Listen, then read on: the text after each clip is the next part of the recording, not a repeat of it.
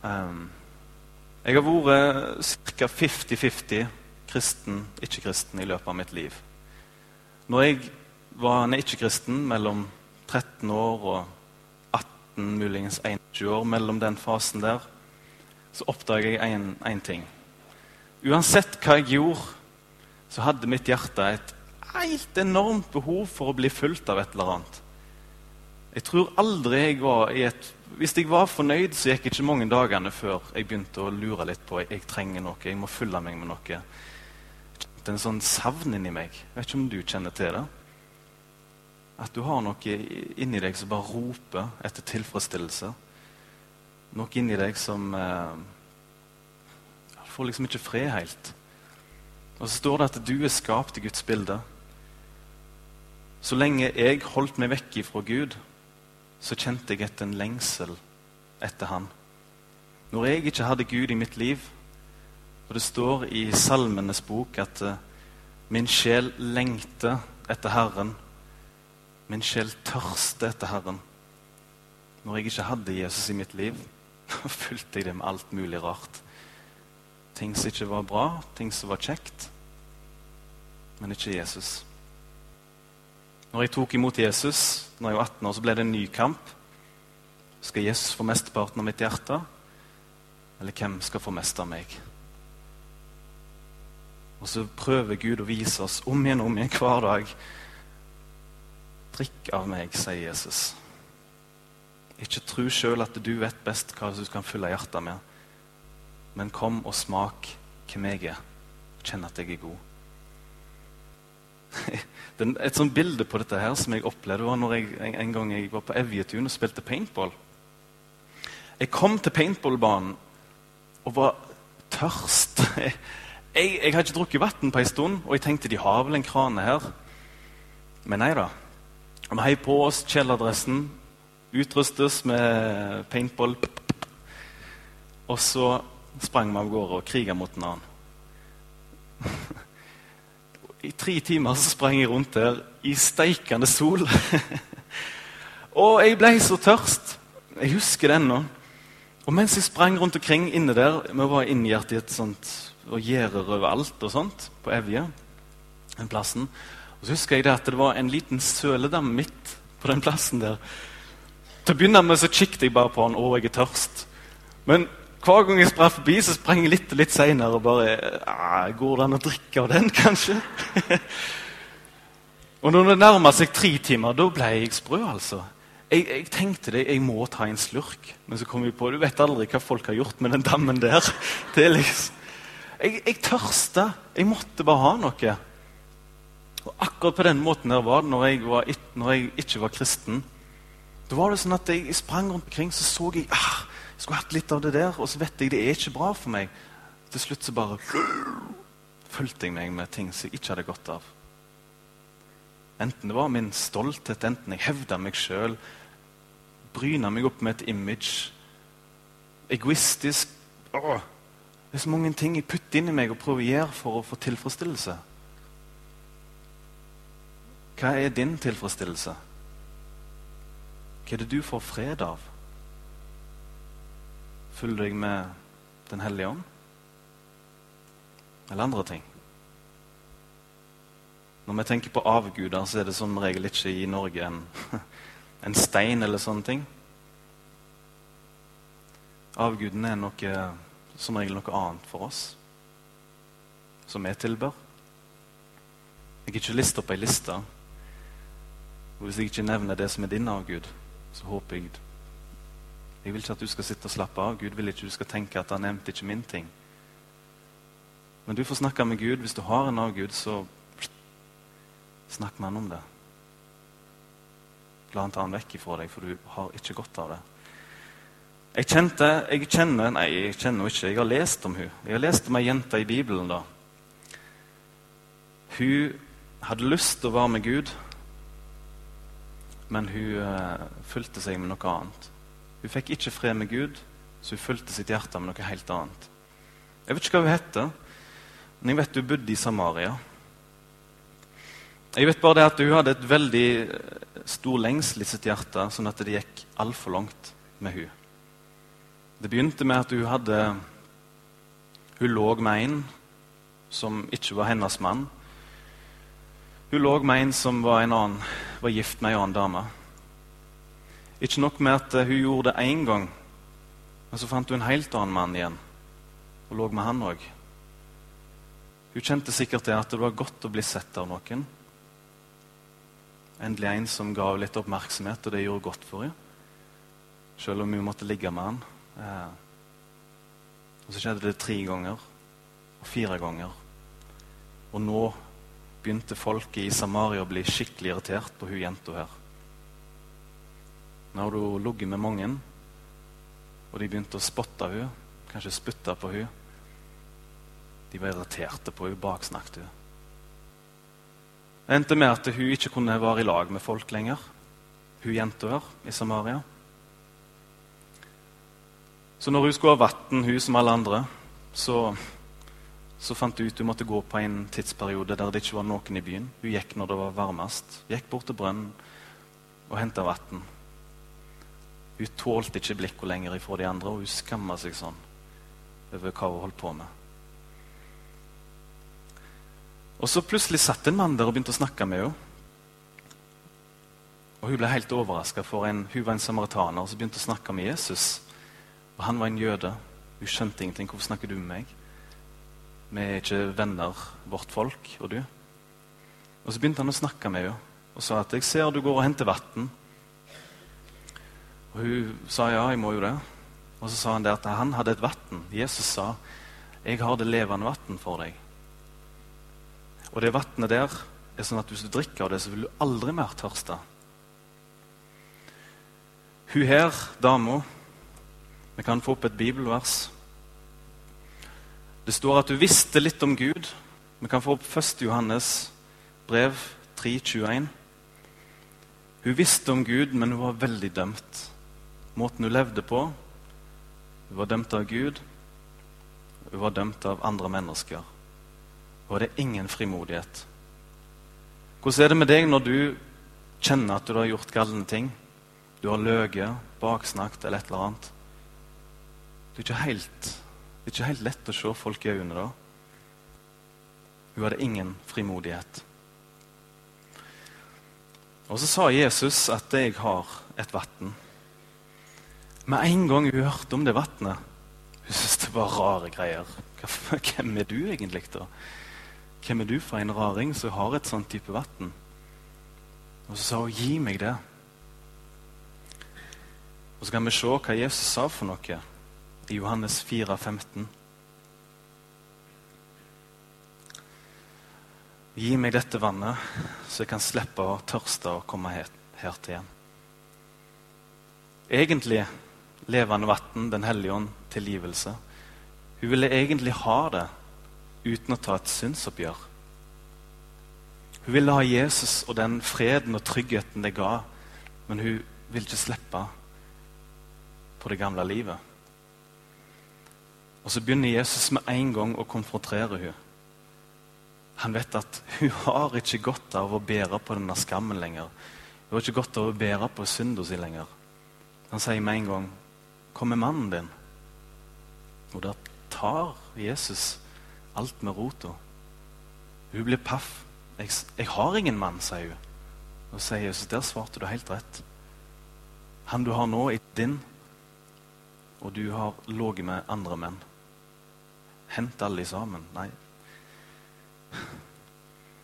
Og Så høres det kanskje hardt ut at Jesus bare går rett på sak og leser livet hennes. Men vet du hva som skjer, egentlig? De begynner å snakke litt om tilbedelsen, om Gud. Og så vet hun dama at det skal komme en som heter Messias. Og sier Jesus det er meg. Det er meg. Det er han du snakker med. Og Det som er så bra med hun kvinna, er at hun gir Gud rett. Når Jesus peker på synda i livet, så sier hun at det, det er helt rett, det. Det er meg. Og idet hun gir ifra seg si synd, så kommer Jesus med det levende vann og fyller henne opp. Og når hun innser at nå er det Guds sønn jeg står og snakker med, som står og hjelper meg, så klikker hun helt. hun hiver ifra seg krukka når hun har funnet ut at jeg står og snakker med Gud. Springer inn til byen. Og så kan vi se hva som skjer da i Johannes 4, 28 og utover. Kvinnen lot da sin vannkrukke stå og gikk inn i byen.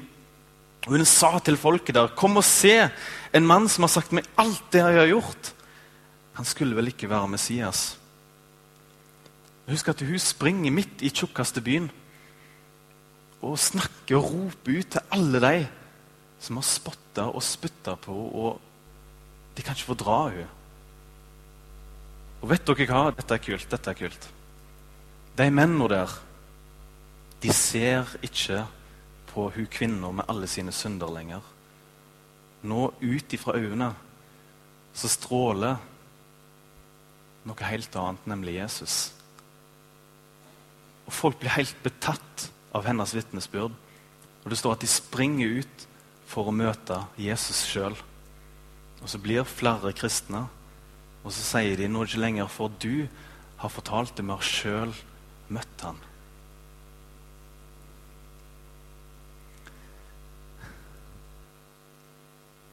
Jeg syns at denne historien her er helt fantastisk. Sånn møter Jesus oss. Og det, det, er litt rart, litt ironisk, når det er snakk om synd og oppgjør, og sånne ting, så blir vi akkurat litt sånn tafatte. Åh, må vi snakke om det igjen? Men så er det helt motsatt. Tenk for en gave at Gud egentlig skulle bare knust oss i fillebeter for vi har så stort opprør. Vi er så ulydige. Tenk at når Jesus møter oss, så er det for å ta det vekk. Det som ødelegger oss. Og gi oss noe helt annet. For en gave, sier bare jeg. Og så har jeg sett at dette funker. Det er ikke tull når Jesus kommer og river ut mørket og plasserer inn lyset i deg. Jeg har sett mennesker bli som hun dama der. Og så går de og forteller om Jesus hva han har gjort. Og så vet jeg én ting. Når jeg ser lite av den Jesus-begeistringen, når jeg ser at folk ikke går og forteller du, jeg, jeg har, å, å, du, jeg må Har du to minutter? Når det er veldig lite sånn i en menighet, når det er veldig lite begeistring for Jesus, da tror jeg at det er veldig lite tilgivelse ute og går. Da tror jeg det er veldig mange som heller går med bagasjen istedenfor å møte Jesus og gi det til ham og bli fulgt med det de egentlig skulle være fulgt av.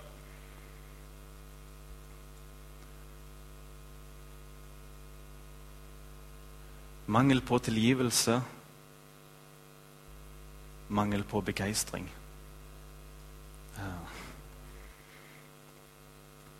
Vi kan lære to ting av dette her. Nummer én, sånn som det står i 1. Johannes 1,9. Bekjenn våre synder. Si de med navn til Jesus når du er for deg sjøl.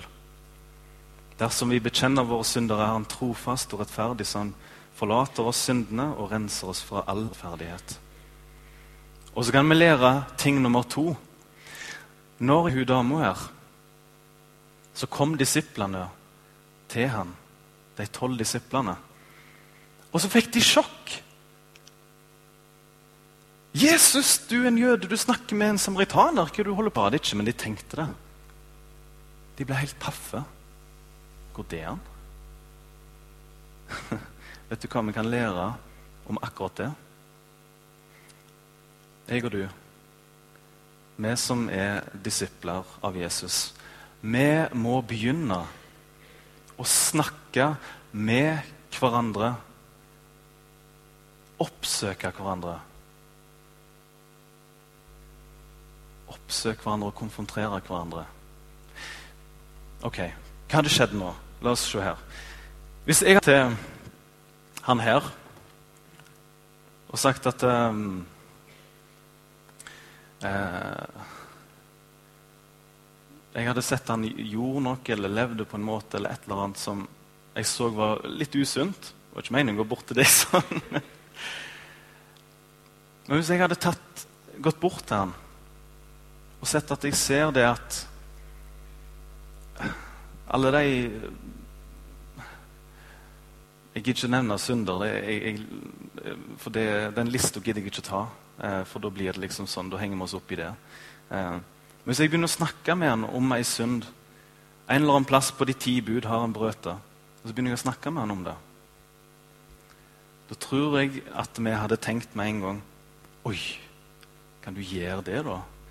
Og så er vi redde for å bli den som dømmer. Hvem er du til å komme og fortelle meg om sånne ting? Hvem er du til ditt og datt? Og så er vi helst livredde for det sjøl og var i den situasjonen at vi skal få den der Hvorfor snakker du med Du har ingenting med det å gjøre, du. Stemmer ikke det? At vi heller snakker med vennene våre. Nå har han begynt med det der. Hva skal vi gjøre med det? da? Skal vi si noe? Hva skal vi si? Og så blir det til at vi sitter kanskje i bibelgruppene våre og snakker om andre. Ja, nå gjør han, ja, det er litt, ut, litt dumt det der, altså, at han har glidd sånn ut. Og så Egentlig så skal vi gå og snakke med dem, sier Bibelen. Men så er det tabu for oss. Av en eller annen grunn så er det blitt et tabu i kulturen vår. Vi skal ikke legge oss opp i hva andre holder på med. Vi skal ikke blande oss. Og Så kom disiplene og så at eh, Jesus snakket med ei samaritansk kvinne, og de hata hverandre. Og Egentlig så skulle de tatt Jesus vekk og si du må ikke snakke med hun der. Er du klar over hvem hun er? Men Jesus var opptatt av å konfrontere og oppsøke mennesker og hjelpe dem. Vi må droppe det der dømmegreiene. Det er snakk om at vi skal hjelpe hverandre. Jeg og du skal hjelpe hverandre. Det står et bibelvers om det i Jakob 5, 16. Vi må begynne å snakke med hverandre om livet, hvordan vi har det, hvordan vi lever, hva vi holder på med. Ser du noe, så gå og snakk med den personen. Det står her Bekjenn derfor deres synder for hverandre og be for hverandre for at dere kan bli helbredet. Et rettferdig menneskes bønn har stor kraft og virkning. Jeg hadde en gang en kompis der eh, han hadde vært i lag med ei dame i mange år. Plutselig stakk hun av med en annen. Og han begynte bare rett ut på byen og tura gjøken. Det var drikking hele tida, og det var ikke den sunne måten, for å si det sånn. Og Han ville ut og døyve smerten både med alkohol og finne seg en ny dame med en gang. sånn. Og jeg gikk bort til han. Jeg brukte en hel dag i lag med han og snakket med han om dette. her. Og til slutt så sa han til meg at du har faktisk helt rett. Dette er ikke bra, det jeg holder på med. Takk at du snakker med meg om det. Problemet var ikke alt det han gjorde. Problemet var hjertet, hvordan hadde det der inne. Det er der vi skal ha fokuset, folkens. Og så er vi så redde for å gå og oppsøke hverandre. Så jeg vil jo snakke om dette her. Og Hvis ikke jeg og du kan gå og holde hverandre til ansvar, da skjer det ingenting med oss. Da blir vi ikke helbreda i våre hjerter. Og vi går i vår egen verden og har en mur rundt oss. Ikke snakk med meg, og så er vi redde. Jeg har aldri blitt slått når jeg har snakket med noen om livet, hvordan de lever. Som regel så setter de litt pris på at jeg ga beskjed. Vet ikke hva du har erfaring med. Um,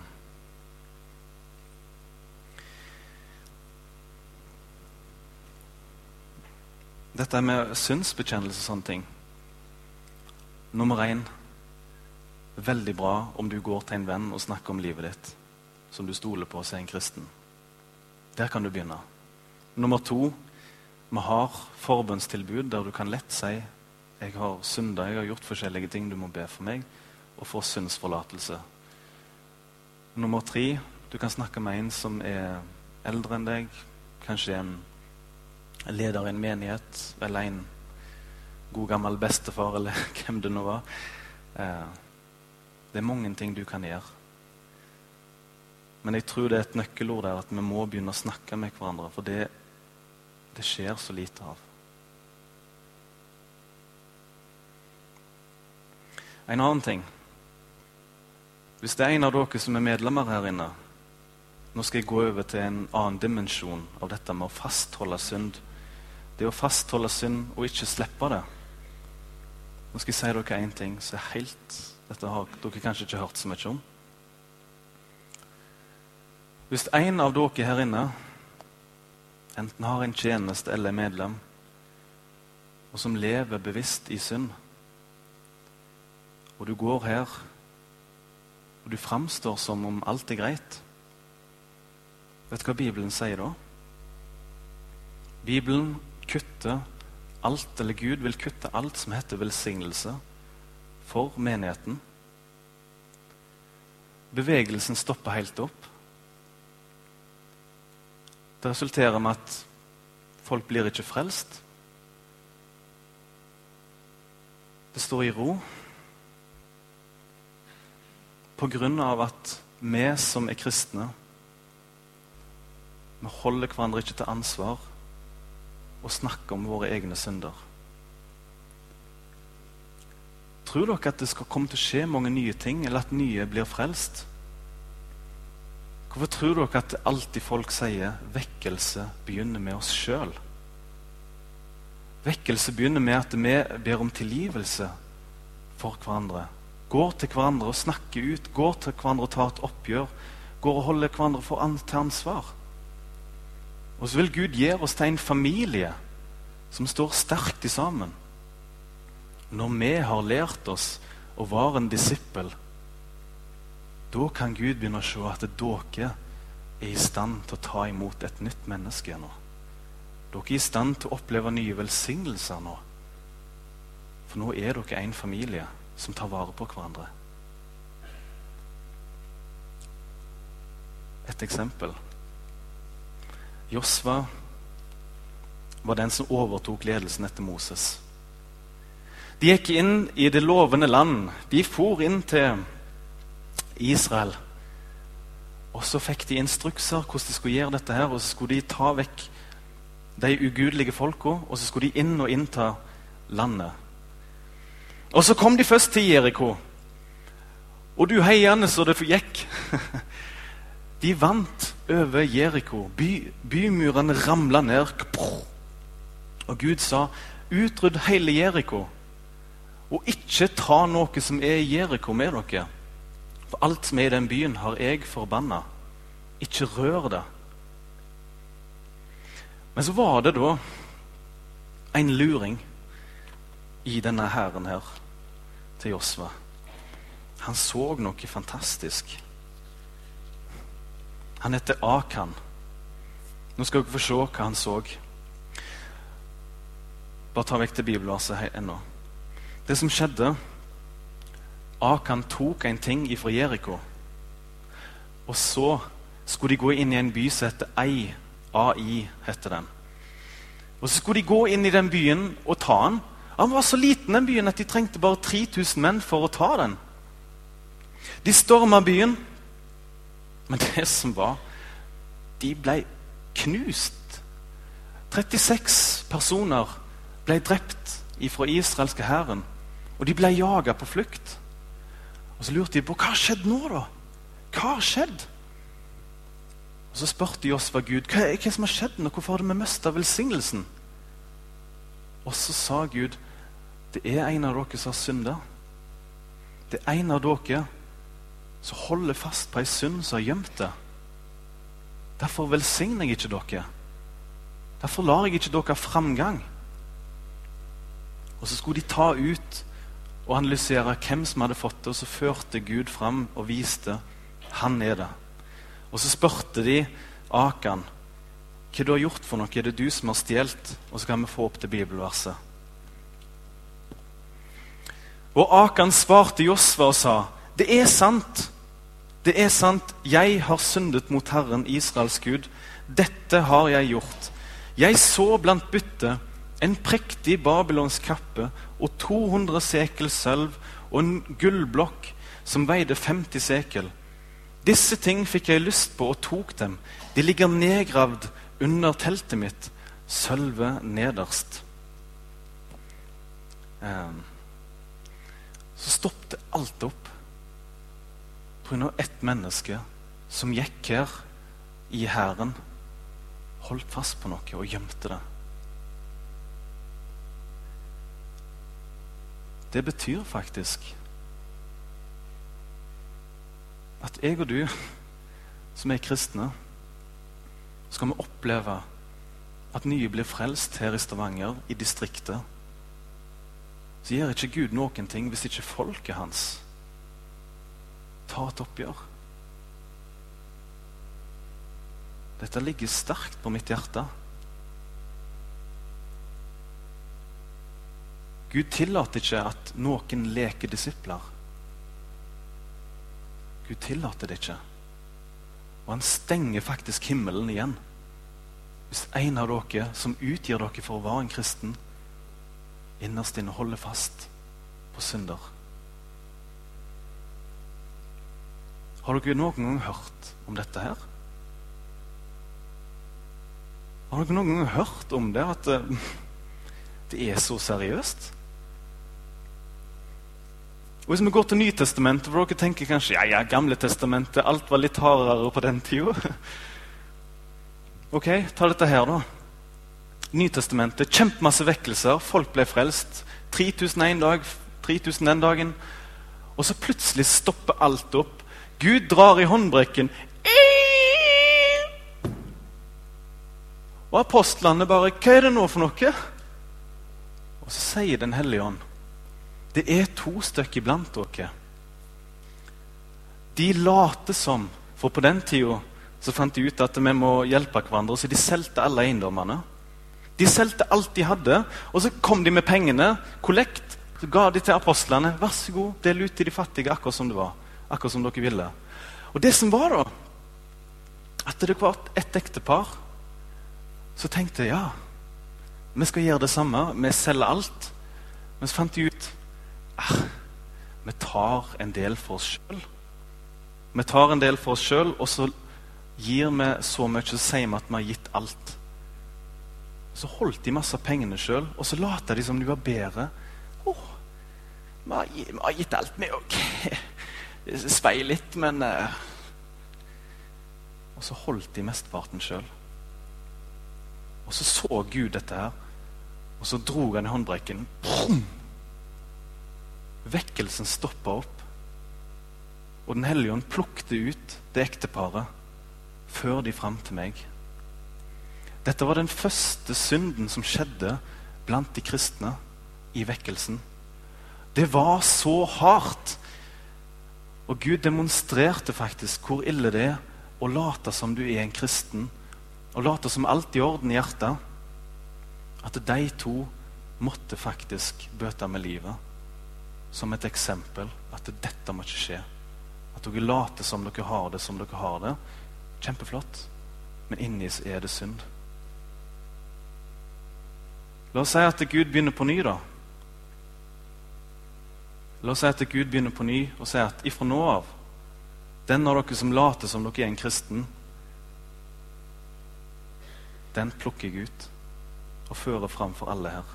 Jeg tror vi hadde kanskje sprunget opp og sagt at 'jeg håper ikke det er meg'. Vi hadde blitt livredde. Men Gud viser i sitt ord at 'se hva som er min vilje' og ha frykt for meg. Og ikke tro at dere kan skjule noe. Det som skjer med Josva og gjengen, at når, når den synden kommer fram, så går de videre. Guds rike går fram. Det er en plass etter Akordalen, der Akan Der tok de han, og så måtte de stjele han. Og så la, brente de opp alle tingene han hadde stjålet. Hvis du kjenner deg truffet nå at det her taler Gud noe til meg. Jeg er den som skjuler synd og late som alt er greit. Og leve skjult, leve et dobbeltliv. Nå skal du se hva Gud har å si til deg i Hosea 2, 14-15. Se, derfor vil jeg lokke henne, altså den disippelen, og føre henne ut i ørken og tale vennlig til henne. Og så snart hun kommer derfra, vil jeg gi henne vingårdene tilbake. Og så kommer det og gjøre Akersdal til en håpets, håpets dør for henne. Hun skal takke der som i sine ungdomsdager, som den dag hun drog opp fra landet Egypt.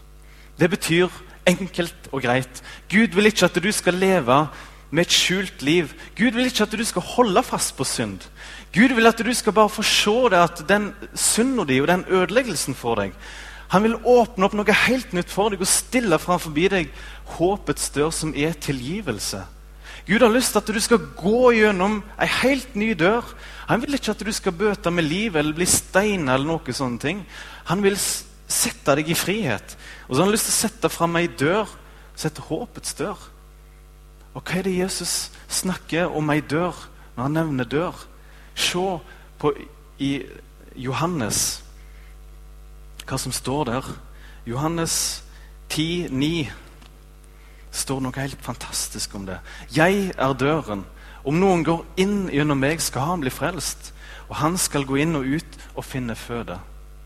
Takk Gud at det finner noe annet. For oss som har levd skjult en død. Som har levd falskt. Takk Gud at han setter dør til oss. Og så kommer vi inn der, og så finner vi noe helt nytt som vi skal fylle livet med. Den døra har jeg brukt mange ganger. Den døra der, som heter håpets dør. Og så sier Jesus, 'Jeg skal gjøre dere til menneskefiskere.' 'Jeg skal forvandle livet ditt.' Få deg i bevegelse. Gi deg en himmelsk utfordring. Har du hatt pause lenge ifra å være en menneskefisker, det å være et vitne for Jesus? Jeg vet om en som tok pause ifra sin daglige krigføring, fisketur, og han heter David. Kong David han pleide å alltid gå i krig. Han pleide alltid å være med der det skjedde. Det som skjedde, var at en gang så gadd han ikke mer. Han ble hjemme. Nei, bare gå, dere. Dere fikser det uten meg. Jeg, nei, jeg, jeg, tar pause i år. I år går dere ut og kriger. Jeg blir hjemme, jeg. Skal dere se hva som skjedde med David i 2. Samuel 11.1-2. Så står det her at David han ble ikke med ut i krig. Og så står det at David holdt seg i Jerusalem, og David begynte å kjede seg. Og Jeg gikk opp på taket og lurte på hva skal jeg finne på nå. Og så bare Oi! Så så han Batseba, hun kvinna som var gift med en annen, og da var han solgt. Han gikk ned, eller fikk henta opp, hadde sex med henne og gikk sin livs største tabbe. Og fikk han trykk, fikk tabben på trykk i ei bok som er verdens mest leste. Skikkelig surt for han. Men sånn ble det. Men Hva har vi å lære av det, egentlig? David ble ikke med, Je med Jesus på fisketur og begynte å kjede seg. Egentlig skulle livet vårt som kristen vært fullt av dagligdags fisking. Og så begynner vi å kjede oss og ser mot disse andre ting. Det er den ene fella for oss. Det med fisketur er utrolig spennende, egentlig. En dag så leste jeg i Johannes 4 om hun kvinna i Samaria. Og så leste jeg at Jesus ga henne levende vann. Og så begynte Jesus å tale litt med meg at i dag så skal noen drikke av det vannet. Og jeg tenkte å ja, spennende. Og så ba jeg til Jesus bruk meg, Jesus, i dag. La meg få gå i ferdelagte gjerninger i dag. La meg få bety noe. Og så tenk, gikk jeg, Da jobbet jeg på Lundaneset. Og så gikk jeg på Lundaneset, og så så jeg på et møte Og Det var et møte med Erling Jørkje. Dere som kjenner han. Han hadde hatt ei møtevekke der i to uker. Så tenkte jeg der sitter det én mann, en gutt. Han er ikke en kristen. Og der sitter en òg. Han er ikke en kristen. Så tenkte jeg er det en av dem Gud vil frelse i dag? Og så ba jeg bare for de to. Etter ei stund når møtet var ferdig, så kom han ene bort til meg og plukket meg på skuldra og sa kunne jeg snakke litt med deg. Og så sa jeg ja, selvfølgelig. Og så gikk vi og snakket, så, viste det seg at der var han. Han som Gud hadde tenkt å gi det levende vannet. Han han sa han kjente det bankte sin hjerte, nå gadd han ikke stå imot lenger. Og han ville ta imot Jesus. Fantastisk kjekt å bli med på fisketur. Det krever litt overskudd og tid fra deg. At du ikke følger opp timeplanen din fra morgen til kveld, men sier at Gud, er det noe i dag som jeg skal gjøre for deg, så bruk meg. Les i Bibelen, få dagens ordre. Det skal du gjøre. En annen ting som kan gjøre oss litt motløse. Dette er skummelt for deg som skal ut og fiske. Du fisker, og så begynner du, står du der. Og Så ser du bort på han andre luringen. Oi! Jeg fikk den fisken og hale opp. Og så tenker du ja, ja, jeg får bytte agn, og så gjør du det, og så hiver du igjen Og så står du der. Og der var det en der borte, langt bort på brua. Han står og haler inn en diger en. Og så står du der og så lurer du på hva Alle fikser dette her, og ikke meg. Og så går du hjem, pakker sakene. Så så syns du det var litt surt. Vet du hva?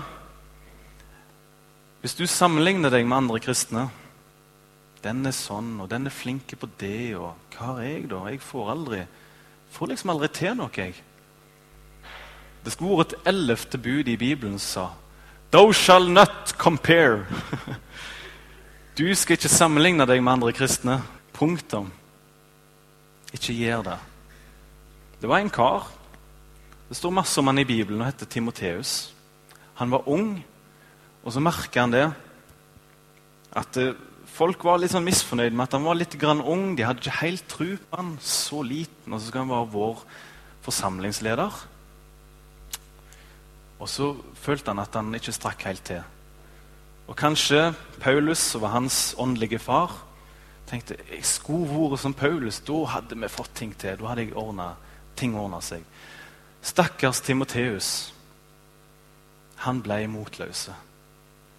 Følte seg liten. Syntes andre gjorde det bedre enn han. Så hendte det med at Paulus måtte skrive et brev til han og sa det rett ut til han.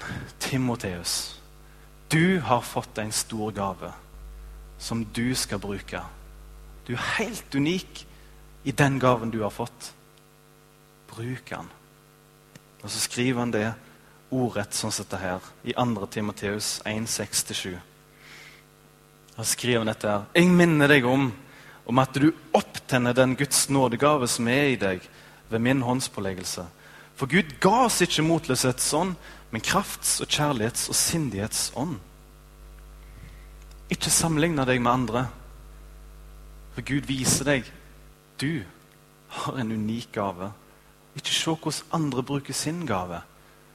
Ha fokus på det som Gud har lagt inn i deg, og ha tro for det. Hvor mange ganger må jeg si det før det sitter inni deg i kveld? Jeg vet at dette her må jeg egentlig si til dere én etter én, tror jeg. Du er unik. Blomstre opp med det du har. Du er unik med det du har. Bruk det som Gud har gitt deg. Og så må jeg egentlig gå til hver en av dere og si det. Bruk det som Gud har gitt deg.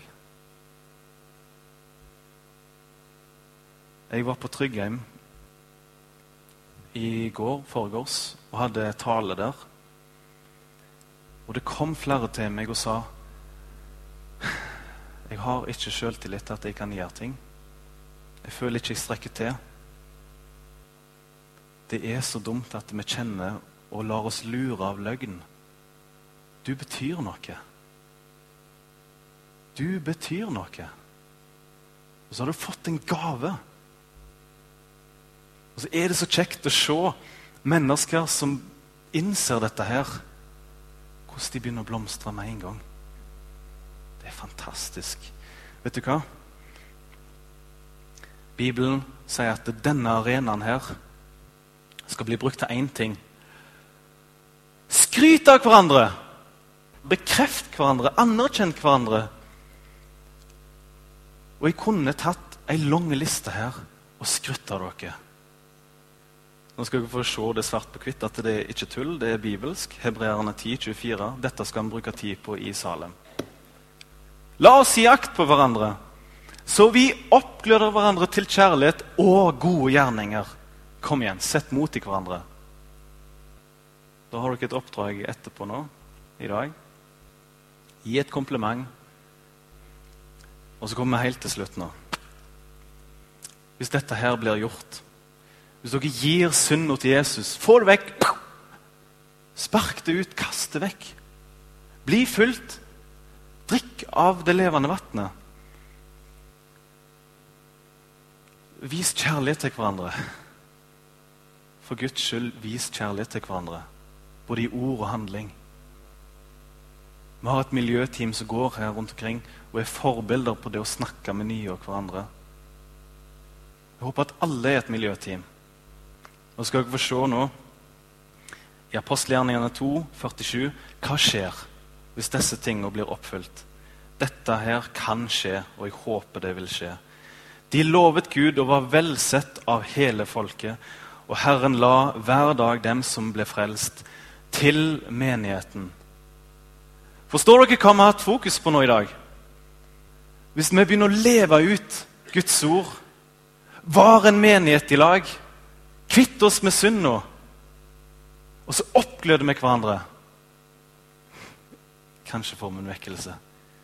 Hvor kult blir det ikke når vi får med oss nye folk? Får høre deres vitnesbyrd. Daglig la Gud til nye mennesker. Nå må vi bare be så det suser, og så skal vi gå over til nattverd. Kjære Jesus. Nå har vi snakket om ting som kanskje veldig sjelden har blitt tatt opp i salen.